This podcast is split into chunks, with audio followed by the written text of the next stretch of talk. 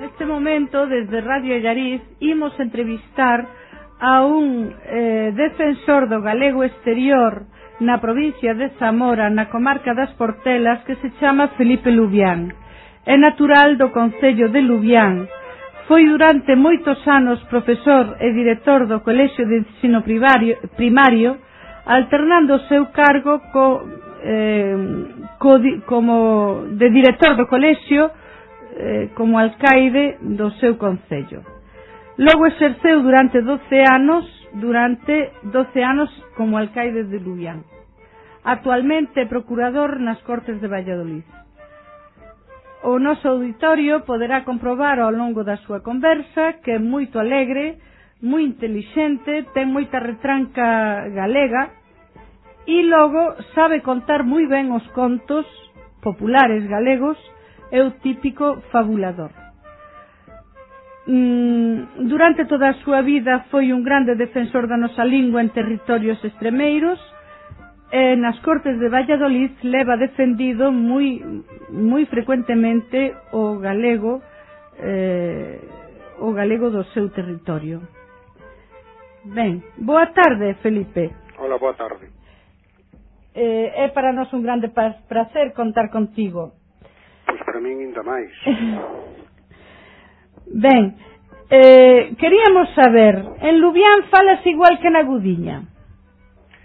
Bueno, eu creo que en cada aldea e en cada povo sempre hai un acento mm, algo propio, pero non solamente no galego, no castelán tamén, en cualquera lingua. As linguas están vivas e hasta incluso eu diría que entre familia e familia, e familia dentro do mismo povo, entre veciños, pode haber alguna diferencia que cando te das conta advírtela. Entonces non podo decir que se fale exactamente igual que na Gudiña sobre todo porque se me están escoitando algunha persona da Gudiña dirá que non. Porque por exemplo teño eh, que decir que un mozo de Lubián que estaba namorando na Gudiña falando galego, inda que Iquín Lubián falaba castelán, porque procede dunha familia de Ávila, de Ávila, da provincia de Ávila, eh, pois eh, dixo a palabra garapio, e a palabra garapio non sabía naide na Gudiña o que era. E claro, das a circunstancia de que Lubián, tal vez por o efecto fronteira, por o efecto onde sacaban todas as, as isoglosas da lingua galega de repente, de sopetón, e logo comeza o castelán, pois eh, para protexer precisamente esa lingua, a, a propia natureza fai que haxa unha riqueza léxica moi grande. Un garapio é un guincho para arrancar o esterco e eh, cando, cando, esa personas, eh, cando esas personas mm, se riron do meu compañeiro, do meu colega daqui de Lubián e veña para cá todo apesadumbrado do esforzo que facía e do pouco que o valoraban, pois tuve que facerlle unha fotocopia do dicionario do Estrabís, uh -huh. en donde aparecía o que era un garapio, e chegou el todo orgulloso a Gudiña e demostroulle que en Zamora tiñamos máis riqueza porque me chamarlle guincho dos terco a unha ferramenta vendo unha palabra como tan linda como garapio, pois parece casi un insulto aos de Lubián. Claro. Ben, e outras características propias dese galego podía darnos?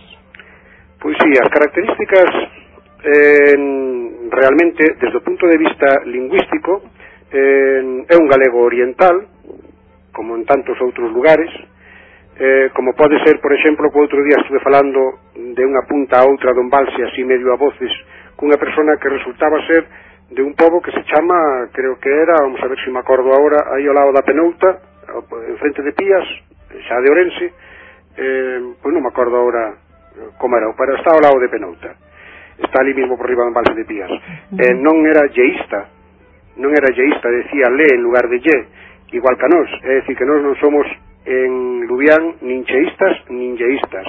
Uh -huh. Decimos os plurais das palabras que en singular acaban en on, en ois, E, e logo, pois, hai pois, toda unha serie de conxugacións verbais que algunhas veces eu penso que si serán vulgarismos, hai xente que me dice que, no, que eu cando fale non as corrixa, mm, non o sei, realmente pois eu creo que vulgarismos existen en todas as linguas no ámbito rural e no ámbito urbano probablemente mm. tamén. Eu en Valladolid nas Cortes pois, escoito popular. cada patada que lle meten ao castelán que, que arrepiase o corpo.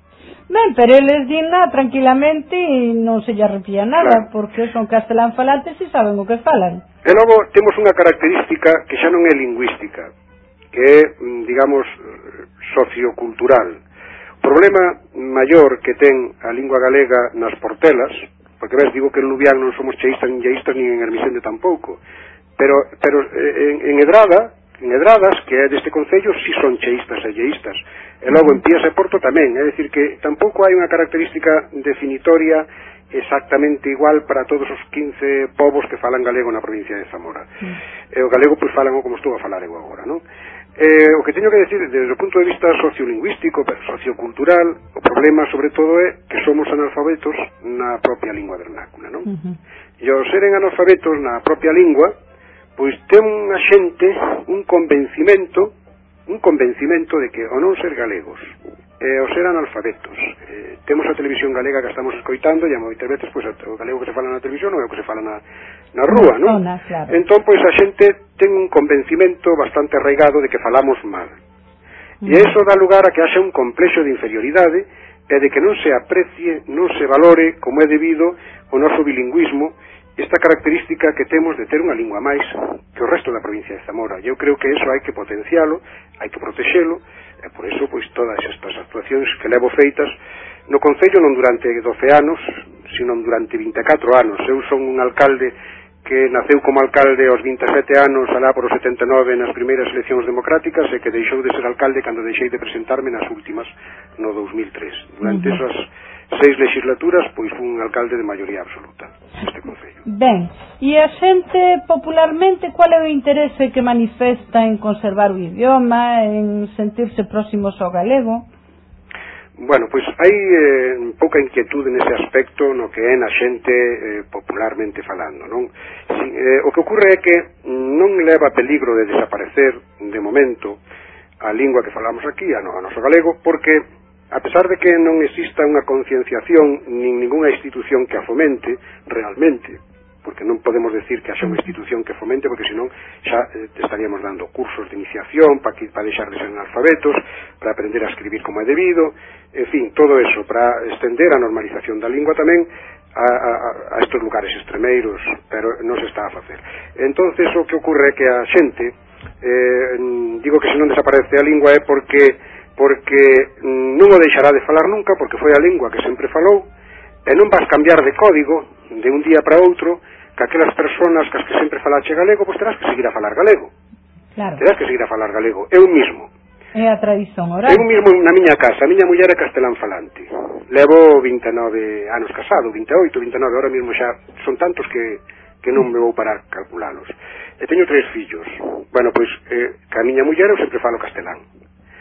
Cos meus fillos sempre falei galego. A muller cos fillos fala castelán. Como a nai está máis tempo cos fillos co pai, cando o pai traballa fora, nesta sociedade na que vivimos, pois resulta que os fillos comenzaron a falar castelán. Dos tres, hai unha, que é a mediana, que fala galego que, que comigo fala galego, con súa nai castelán. entonces eu teño moi claro, sin pensalo, que cando me dixo a miña muller, utilizo código castelán. Cando me dixo a Inés, que a miña filla, utilizo galego. E aos outros fillos, pois eu falo con eles galego e eles contestan en castelán como se fora a cousa máis natural do mundo. Pero iso en casa ou nunha rúa de Zamora ou de, ou de Sevilla sí, ou onde estemos. Sí, sí, sí. A, a xente en Zamora debe de pensar claro. que eu son portugués non me pasa nada por eso, porque para mí os portugueses pois, vivimos aquí na raya, eh, dan igual ser portugués que ser español, que ser galego, que ser castelán, porque a fin de contas eu paso olímpicamente de todo tipo de fronteiras. Ben, e quantos mm, falantes pode haber na túa comarca de galego? Mm, pois hai 1.200 habitantes en catro concellos, así de, é que non hai máis que non chegamos a tres habitantes por kilómetro cuadrado. Por eso falamos tan alto, cando falamos casi falamos a voces, sobre todo en Barxacova, que é un dos povos istos, desde que está E, e claro, ao ser tan poucos, pero desos 1200 aproximadamente, poden ser 1250 ou pode ser 1199, hai tempo que non os conto. Pois pode ocurrir, ou sea, estou seguro de que falan galego pois 1150. E pode haber 50 personas que sean habitualmente castelán falantes, inda que son galego falantes tamén pasivos, é dicir que cando ven unha pinta de máis acaban falando galego. Claro, porque é o idioma da consciencia, do subconsciente, non? Claro. Ben, eh, ensínase galego nas aulas? Non, pero bueno, eso ten unha explicación, inda que ten unha explicación e a mí non me preocupa demasiado, porque hai moi poucos nenos, ou haber tan pouca xente e ser tan, estar tan eh, avellada a poboación, pois resulta que desos 1.200 habitantes, o que é na escola primaria, non hai máis que 16 que se xuntan aquí nunha escola de Lubián, algunhas furgonetiñas que traen vai traendo a xente. Desos 16, pois oito son daqui de Lubián e outros oito aproximadamente, que agora tampouco os teño contados, pois eh, ven desde, veñen desde Hermisende, desde Pías, Pías tampouco, desde Barxacova, desde Vilanova da Serra. Vilanova, Barxacova, Lubián, mm. As Chaus, que son do Concello de Lubián, e Hermisende e a Teixeira. En Porto, que ten un pobo que ten 300 habitantes, que para Sanabria xa é un pobo curioso, eh, podemos dicir casi que grande, pois non hai xa rapaz ningún, son toda a xente maior. Entonces, pois, eh, si ti tes seis cursos, máis eh, dois, dous de, de preescolar, máis logo un ano máis de, tamén de infantil, de, de tres, son de tres a, estamos falando de tres a doce anos. Sí, sí, si hai aí en todos esos cursos solamente 16 rapaces, rapazas, como articulas eh, o, o que haxa xente que escolla o coñecemento do medio en galego que foi o, o, o convenio que se firmou entre a Xunta e a Junta. Eh, mm, en unha escola eh, con dous profesores mm, é difícil. Pero teño que decir que se fora doado tampouco se estaría a facer porque o director desta escola de Lubián que foi alcalde de Hermisende e afortunadamente deixou de selo por, por seis votos por seis votos porque perdeu as últimas eleccións uh -huh. Pois, evidentemente, este señor prohibíalles falar galego na escola. Aos rapaces o ano pasado, que hubo unha polémica, eh, que eu cheguei a denuncialo na Dirección Provincial de Educación de Zamora, logo apareceu o, o proxecto curricular do centro, o proxecto educativo do centro, no propio proxecto eh, falábase da necesidade de que os rapaces leran textos, fomentar a, a lectura de textos en galego, que é a súa propia lingua, fomentar o respeto pola mesma, eh, representar obras de teatro, Claro, eu sabía que existía ese proxecto educativo porque participei eu na súa concepción alá antes do ano 94, que foi cando se fixo, que eu deixei de ser o director do centro no 94 porque marchei para o Instituto de Puebla de Sanabria, para a secundaria. Así é que, evidentemente, aquí non se está a facer, si se está a facer eso de, do ensino de galego de maneira autativa e que se está materializando a través de a través de, de dar a clase de coñecemento do medio aqueles rapaces que así o solicitaron, na provincia de León, no Bierzo, que tamén é de Castela e León, pois hai unha tucia aproximadamente de colexios en donde eh, xa se leva dous anos eh, facendo isto. Ben, eh, a xente dai de Lubián sabe contos populares, romances, cantigas en galego? Pois con toda a seguridade todo o mundo. Todo o mundo sabe algún conto ou eh, escoitou contalo algunha vez eh, todo o mundo sabe contar contos, uns con máis con máis eh, xeito e outros con menos xeito, pero evidentemente mm, eu sempre ouvi contar contos á xente.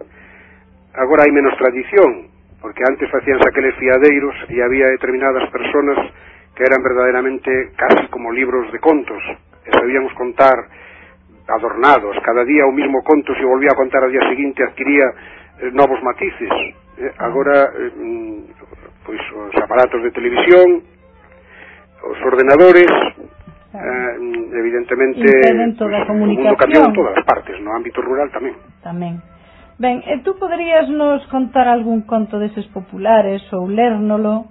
Eu si ler non porque non encontro. o, o, o libro que levei o outro día non encontro, pero eu podo non. contalo igual. Eu ben, pois contanos. Podo contanos. contar, por exemplo, pois un que relaciona de maneira directa a Galicia con esta terra que foi de Galicia nun tempo, non? Sí. E deixou de ser o que a nova división provincial que se fixo alá no siglo XVIII inda que hubo outro período no que volvimos a pertencer á provincia de Ourense, pero non foi casi efectivo, entre 1822 e 33, no trienio liberal, mm, pero logo non foi non foi realmente non foi efectiva, non foi máis que sobre papel. Pero bueno, eh, aquí eh, que agora xa empezou o conto, non? Sí, pois sí. eh, moíamos o centeo en pedra sobre dúas, con dúas pedras, unha máis grande, así como, como cunha baticova no medio e outra que era media cilíndrica e que servía para machacar e transformando con moito esforzo e eh, moi devagar o, o, o grau en fariña, de alfarelo había máis farelo que fariña, realmente, de, ao facelo dese xeito. Tempos de miseria. Ah, claro, había que un afilador galego que apareceu unha vez por aquí, pois quedou pasmado e dixo, pero home, pero se si isto alá en Galicia facémolo xa cunhas máquinas, somos máis, este, temos que tendes que importar a tecnoloxía galega cos muiños, maquileiros, un señor, metese muiñeiro, aquí cos ríos que hai aquí, que baixa auga por as montañas con esa forza, facemos un muiño aquí, pero é el que tamén debía de saber, ademais de ser afilador, debeu de ser muiñeiro alá, eh, en algún río aí cerca da vosa terra sí. Mm, o mellor hasta no río Arnoia. Pois chegou este home eh, alá pastou co pedáneo do povo de San Ciprián de Hermisende que é un conto que se chama o conto do muiño de San sí. Ciprián, eu creo que é o conto do primeiro muiño de San Ciprián.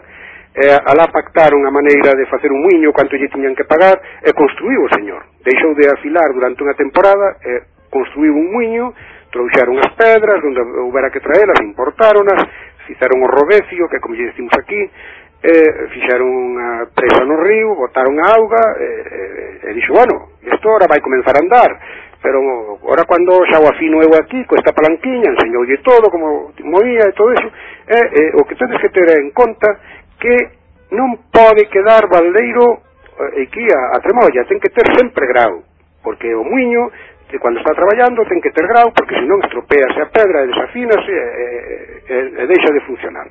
Pois moi ben, pois así o faremos e tal. Xa a xente que tiña ganas de moer, alá empezou a baixar, uns cos burros cheos de sacos de cinco minas, outros cos carros cargados cunha parexa de vacas, e ali facendo xa unha fila eh, para pa ver cual moía primeiro, e empezaron a moer, ali todo o povo mirando que ben funcionaba, como saía a fariña, e como aquilo xa quedaba perfectamente funcionando, pois o afilador colleu os seus pertrechos de afilar, eh, e despediuse de todos e marchou. E, eh, eh alas tuveron 15 ou 20 días moi que temoi sin parar o muiño, cando xa dice o pedáneo, pero se nos estamos a quedar sin grau e agora como paramos o muiño, se marchou o galego e non nos dixo como se paraba e entonces alá baixaron todos, foron a, eh, eh, os mozos e amarrábanse ao rodecio tratando de facer o xirar ao revés, a ver se o frenaban e o paraban, pero aquilo podía máis que eles. E dixeron esta cousa de demo, temos que avisar ao señor Crego. Alá foi o pedáneo, falou co Crego, baixaron en procesión, chegou o Crego ca súa mellor capa, botou un mau de sopo, mollou unha auga bendita, bot, tarramaba ali, mollaba con auga bendita todo, e eh, decías, pero para dunha vez, dominos bobisco, pero ia secular secularon, todo, bueno, non parou. E dixo, bueno, pois xa que non obedeces aos meus latís, has de obedecer a miña coroa. Agachou, meteu a testa ao lado das pedras, e rebanoulle a cabeza, e saiu a cabeza pegando pulos por entre os pés da xente. Entón toda aquela xente escapou, como, como, bueno, pues, como realmente non se correr o demo tras deles. E unha vella, ao escapar, enzaraballaronse os pés na súa falla que era longa E alá marchou e atravesouse na calexa que levaba agua po miño, trancou a agua e o miño parou. E, no sucesivo, cada vez que tiñan que parar o miño, collían unha vella do lugar, trancaban a na calexa e así pois, xa podían parar o miño. Moi ben, moi bonito conto, sí señor. Ben, eh, ensínase todo isto nas escolas ou, ou a xente ten reticencias? Vamos a ver, isto enseñouse aquí na escola, na escola de Lubián, cando tiña máis alumnos, cando estaba eu de director, alá desde o ano 87, 88 a 94, tiñamos a nosa revista que se chamaba Entre Nós, en donde se escribía en castelán e galego, e comecei a escribir en galego eu nela, eh, sendo analfabeto, pero bueno, pois a base de leer, pois un é capaz de, de aprender a escribir, eh, seguramente con moita falta de ortografía, pero bueno, a mí eso non me preocupa. E logo, pois, xa comenzaron rapaces. É o menos importante. Como? Realmente a ortografía é o menos importante. Pois, evidentemente, o importante é traballar e tirar para diante. E logo xa comenzaron claro. a escribir rapaces de Porto, rapaces de Lubián, rapaces de San Ciprián del Misén. Este mismo conto que acaba de contar eu aprendino na revista escolar, porque o transcribiu algún rapaz de, do colexo de, de aquí que se chamaba Crato e la Vivella, se si que chamar así, eh, de San Ciprián del Misende. Facíamos obras de teatro, é dicir, que non é que se enseñara galego, pero naquel momento pois eh, traballábase na escola, por época así o decía tamén o proxecto educativo do centro, pois con, con textos eh, galegos, eh, eh, con obras de teatro, textos son tamén, eh, os rapaces recollendo contos, eh, algún poema que tamén había naquelas revistas, de todo había. Uh -huh. Ben, e hai algún estudo feito sobre o léxico popular desa comarca? Sí, eh, aquí que viñeron lingüistas desde Kruger, eh, un alemán a comenzos do, siglo, do século XX, eh, por, a, por a mitade do século pois veu Cortés y Vázquez que ten un libro precisamente que se titula El dialecto galaico portugués hablado en Lubián en donde recolle pois eh, características eh, socioeconómicas, características eh, lingüísticas, sobre todo, e incluso pois algún texto eh, de contos así como este ou parecidos a este. Sí. E nos dicionarios galegos actuais están recollidas as palabras de aí? eso eso teño tamén unha experiencia moi graciosa porque eu daba clase en, no Crato e la Vivei eh, era unha persona, un mestre destes que chaman itinerantes. Eh, eu, como era o director, pois ao final eh, eu apechugaba que aqueles, eh, que aqueles postos de traballo que naide quería, porque ninguén quería eh, coller o seu, o seu carro e andar con el por as, por as estradas, non? Sí. Entón eu eh, daba francés, Hubo un ano que dei francés, cheguei a dar educación física, dramatización, o que naide quería. Sí, claro. Eh, que tiña que ser precisamente itinerantes, aunque eu son especialista en matemáticas. E cheguei a Barxacova e había un, un feixe ali de flores amarelas que en Lubián chamamos cacaragalos. E eu dixe, hombre, este, este feixe de cacaragalos que hai aquí vai, vou levar yo a miña muller. E rapidamente os rapaces comenzaron a rir, dice, cacara que? Digo, cacaragalos. Pero que cacaragalos? Eso non son cacaragalos, home, eso son churidas Churidas, e eu pois anotei, eu digo, bueno, pois mira, churida, chamarase así o millor. Como eu tiña algún diccionario en casa, digo, pois sí, mirar isto de Churida, a ver o que significa. E, xa apuntei tamén que a cargalo por riba para saber o que era unha, chur, unha churila, unha churida. E, e o día seguinte tuve que ir a Porto, que se tarda unha hora desde Lubián, aunque só hai 40 kilómetros, porque é unha carretera moi má, E cheguei ali e abrir a xenda dixe, hombre, mira, eh, como lle chamades aquí a unhas flores que que son amarelas, que teñen dúas tonalidades, unhas por sépalos e outras por pétalos. Os rapaces non me comprendían ala moi ben, dixe, xa, me, que, que son como campaniñas que colgan, que nacen nos prados, agora na primavera, tal, ah, esos son os gatamarendas. Entón, anotei gatamarendas. E cando cheguei a casa, busquei gatamarendas nun dicionario que tiña de tres tomos, que me costera o seu, unha boa che de diñeiro, porque non vai tantos anos, e, sin embargo, eu era tan amante do galego, pois que me pareceu estupendo ese dicionario e non me importou compralo. E busquei catamarendas e viña, pero non era non era unha planta, non era unha flor, era un peixe que ahora non ven, era unha cuestión zoolóxica, non? Sí, sí. Logo busquei churida e era a flor da xesta ou do toxo, chulima, churida, en fin, que eran dous sinónimos. E, pero non falaba para nada dos meus cacaragalos. E lá, ao final, pois moi humildemente pensando que Cacaragalo era imposible que viñara, pois aparecía Cacaragalo e dice, for que nace no alto da serra de Lubián". E isto é o señor Estravís, que fixo, según o meu criterio, o mellor dicionario que eu teño visto hasta agora, hasta, sexa normativo ou non o sexa, para min é un dicionario que recolle cantidad de léxico de, de palabras das que falamos aquí en Lubián. De onde as colleu? Pois eh, collerías do libro que acabo de decir antes ou visitarían esta zona, pero eu estou moi orgulloso de ver que Garapio, que, que Toque, que palabras como estas a, apareza Carouxo, aparezan nese dicionario. Eh, vendo un pouco a problemática que existe do galego en territorios limítrofes administrativamente, cual é a atitude da Xunta de Castilla, León, co galego? Bueno, eso ten cambiado bastante dende o ano 1998 ata de agora. Porque no ano 1998 Eh, bueno, antes falaría eu do ano, por exemplo, 1995, no, eh, 96, 97, nun desos anos que agora xa non recordo, nun deses anos, eh, sen, porque eu fui un diputado provincial antes, pero desde o 95 é que levo sendo procurador nas Cortes, que é como se chama o diputado regional nesta autonomía. Uh -huh. eh, o facer a lei municipal de Castilla e León, pois nesa lei municipal xa nun artigo aparecía unha cousa que me cheirou mal, eh, que dice que eh, porque aquí hai os municipios moi pequeniños, está todo moi atomizado e se pretendía, se pretende fomentar que se asocien entre concellos para facer os concellos máis grandes, non? O que se chama pois unha reforma territorial a fondo, non? Uh -huh. Que economizara mellor as, eh, os recursos.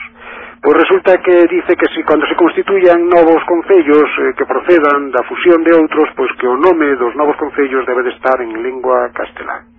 -huh. E claro, mm, eu eh, que naquele momento pues, puseronse os pelos de punta, puñáronseme de punta, porque digo, vamos a ver, pero eh, el Lubián será castelán ou será galego o nome? E Porto que será? E Pías que será Pías? E Zamora, que significará Zamora? Será unha palabra castel... Eh, Ten algún significado Zamora? Ten algún significado Valladolid? Seguramente que eh, eh, algún etimólogo me podrá decir de onde proceden. E pode que non sexan indolatín siquiera. Así que castel, de, de castelán nada.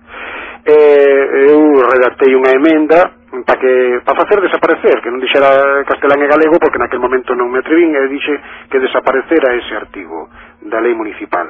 Pero naqueles momentos eh, non foron non foi capaz nin o grupo socialista ao que pertenzo nin de manter o tipo con esa emenda e xa decaeu en ponencia, é dicir, cando se empezan a negociar que, que emendas eh, cada grupo eh, pode negociar co outro, si quitas esa aprobo esta outra, eh, hai como unha especie de, de, de trato previo a, a, ao que é a oficialidade logo no Parlamento. Bueno, pois esa emenda non chegou a bon porto porque nin o grupo socialista, o meu grupo, foi capaz de mantela eh, non lle pareceu interesante seguramente porque eu non estaba na ponencia que defendía iso. Logo no ano 98 pois eh, cambiouse, modificouse, reformouse o, o Estatuto de Autonomía de Castela e León. Eh, no Parlamento non fomos capaces de facer a máis mínima alusión no Parlamento Autonómico ao galego. Mais logo en Madrid pois eh, o diputado que había no Congreso do Bloque Nacionalista Galego, alá conseguiu que aparecera unha referencia no artigo cuarto do noso Estatuto de Autonomía de Castilla e León, en donde dice que o galego que se fala en os territorios donde se fala en dentro do territorio autonómico, que será obxecto de, de respeto e protección. Uh -huh. Entón, unha vez que eso foi aprobado por o Parlamento Nacional, pois xa nos dou pé a, recollendo o guante que nos botaban desde o Bierzo, unha asociación que, que se chama Falaceibe, mandaba cartas ao, ao meu grupo, e como eu son galego falante sabían da miña inquietude, pois o propio grupo parlamentario encargoume a min de tramitar cualquier iniciativa que se pudera facer a través de esas inquietudes de Falaceide. Eh, o primeiro que fixamos pois foi unha proposición non de lei para o ensino en, en primaria e secundaria en galego, optativamente, porque as cousas hai que metelas pois, pouco a pouco, para que non causen rexeite, uh -huh. en, nos centros destos territorios, non? Eh, aí hubo unha emenda do Partido Popular donde me retirou porque eu puña dúas partes puña unha parte que era precisamente eso eh, que acabo de, de decir máis logo era outra, un segundo punto que decía de que se firmara un convenio tamén entre Galicia e Castela e León pois para poder poder eh, acollerse a convenios os concellos para organizar cursos de alfabetización en galego. E isto rexeitaron, é dicir, que puseron unha emenda quitando isto, eu propuse que se votaran por separado os dous puntos, aceptaron, votáronse, e eso foi realmente, pois podemos decir, que un gran logro que por primeira vez convencéramos ao Partido Popular porque existe un medo terrorífico por o condado de Treviño, que está lá na provincia de Burgos, e onde se fala vasco, pois a perder partes de territorio. Sempre se esta, estas eh, características que temos de bilingüismo, pois sempre se, se van a xente o que fai é coller eh, eh, e relacionala rapidamente con separatismos, con segregacionismo, non? Claro. Así é que eh, así conseguimos que se reunían en Vilafranca do Bierzo como consecuencia desa PNL o, o, os dos conselleiros de Educación eh, chegaran a ese acordo do que antes falábamos que era o de, o de dar coñecemento do medio en galego aqueles que quixeron, aqueles rapaces que o solicitaron. Claro. Posteriormente, pois eh, tamén pedían que na Escola de Ponferrada de Idiomas, na Escola Oficial de Idiomas, se mm, eh, pusera tamén, ademais de o inglés e o francés eh, que se estaba estudiando, pois que se pusera tamén galego fixen outra proposición non de lei tamén presentaron unha emenda que tiña que haber un determinado número de alumnos para facer a prova, logo apareceron esos alumnos, e efectivamente ahora mismo, desde vai tamén dous anos para cá, estáse dando o galego, os cinco anos que de filoloxía galega, na Escola Oficial de Idiomas de Ponferrada. Creo que é pois, un segundo logro moi importante. E, e, eh, eh, e máis nada, ahora mismo pois eh, habrá que seguir a traballar nese asunto. Eu creo que agora mm, terei que empezar nesta legislatura a ver cual é o procedimento máis adecuado para cambiar naquela lei eh, ese artigo ao que antes me refería e que entón non foron capaces de manter a emenda pero a palabra castelán ten que desaparecer de aí porque aquí se xuntamos por exemplo os concellos onde falamos galego pois non teríamos por que porlle un nombre castelán porque vamos a, pon, a poñer por exemplo Roble se lle podemos chamar Carballo que é como falamos, non? claro, lógico. Ben, pero ademais diso, temos entendido que Lubián está seminado con Rianxo. Cual é, cual é a razón? Que Lubián? É que non comprendi. Está seminado con Rianxo. Ah, sí. Bueno, ben, isto evidentemente eh, o Concello ten, ah, porque estou falando como, como procurador, pero como mm. alcalde, pois promoví eh, a cooficialidade da lingua, ah, aprobouse nun acordo eh, no ano 2001 que o galego é tamén oficial no ámbito municipal, eh, aunque tamén o fixaron noutro concello da provincia de León, ali eh, impugnou a, a xunta de Castela León, eh, en Lubián non, eh, eu non sei se é que en Lubián non encontraron, porque en Lubián o fundamento que facíamos era únicamente eh, para ser respetuosos co artigo cuarto que antes referí, e eh, aquí non, aquí pois sigue vixente desde o ano 2001 ese, ese acordo do Concello de, de que o galego é oficial mm, no territorio deste Concello. E logo, mm, pois continuando o propio Concello eh, tamén en colaboración con Camesa pola normalización lingüística, eh, pois eh, chegamos a, a, a hermanarnos, pero isto xa o fixo o novo Concello, a nova alcaldesa que hai agora sí. rematou ou está rematando porque ainda está sin cerrar de todo pero xa tomaron os acordos pois o hermandamento con Rianxo qual é a causa? pois a causa é o manter relacións con Galicia para mm, fomentar cada vez máis pois o uso desta cultura, o enriquecernos e o tratar de conseguir, pois ao mesmo tempo, eh, sacar xente daqui para visitar un lugar diferente, e que tamén é un lugar como este que te, en desde o punto de vista da natureza é fantástico e que hai unhas paisaxes verdadeiramente fantásticas, pois que veña xente de Rianxo aquí a crear tamén riqueza eh, aunque sea humilde, non? Na, na, no turismo. É dicir, que queremos eh, compartir todo tipo de actividades, desde cultural culturais hasta lingüísticas, que tamén son culturais, hasta turísticas, económicas, de todo tipo. Uh -huh. Ben, e existe algún colectivo social que se interese por defender o idioma? Cando hai tan pouquiña xente, como te decía, hai un rato, eh, uh -huh. tan poucos habitantes por kilómetro cuadrado, pois xa me dirás tres habitantes por kilómetro cuadrado nun kilómetro cuadrado de extensión tres personas xa é difícil facer todo tipo de, de, de, de, de sociedades, non? Sí. Por eso, mm, os que temos esta inquietude, como ao mesmo tempo estamos eh, en institucións, uh -huh. o, pois desde o noso traballo, desde, desde, a nosa, desde o noso traballo político tamén, pois eh, hasta, até agora non foi necesario que houbera Eu, por exemplo, cando se fixeron mesa pola defensa do galego en Asturias ou no Bierzo, pois opinei que aquí non era preciso, que aquí, como era tan pouca xente que había e tal, que desde os concellos en onde estábamos a traballar, pois podíamos sacar adiante bien, sin necesidade de crear novas sí, infraestructuras. Moi ben, moi ben. Eh, os galegos de Lubián, como se senten identificados, como galegos ou como castellanos? Esa acabamos con esta pregunta. Pois eso, cada quen ten a súa opinión, non? Uh -huh. Eu, eu, por exemplo, pois, eh, lóxicamente non é fácil meditar sobre a identidade de un mesmo, non?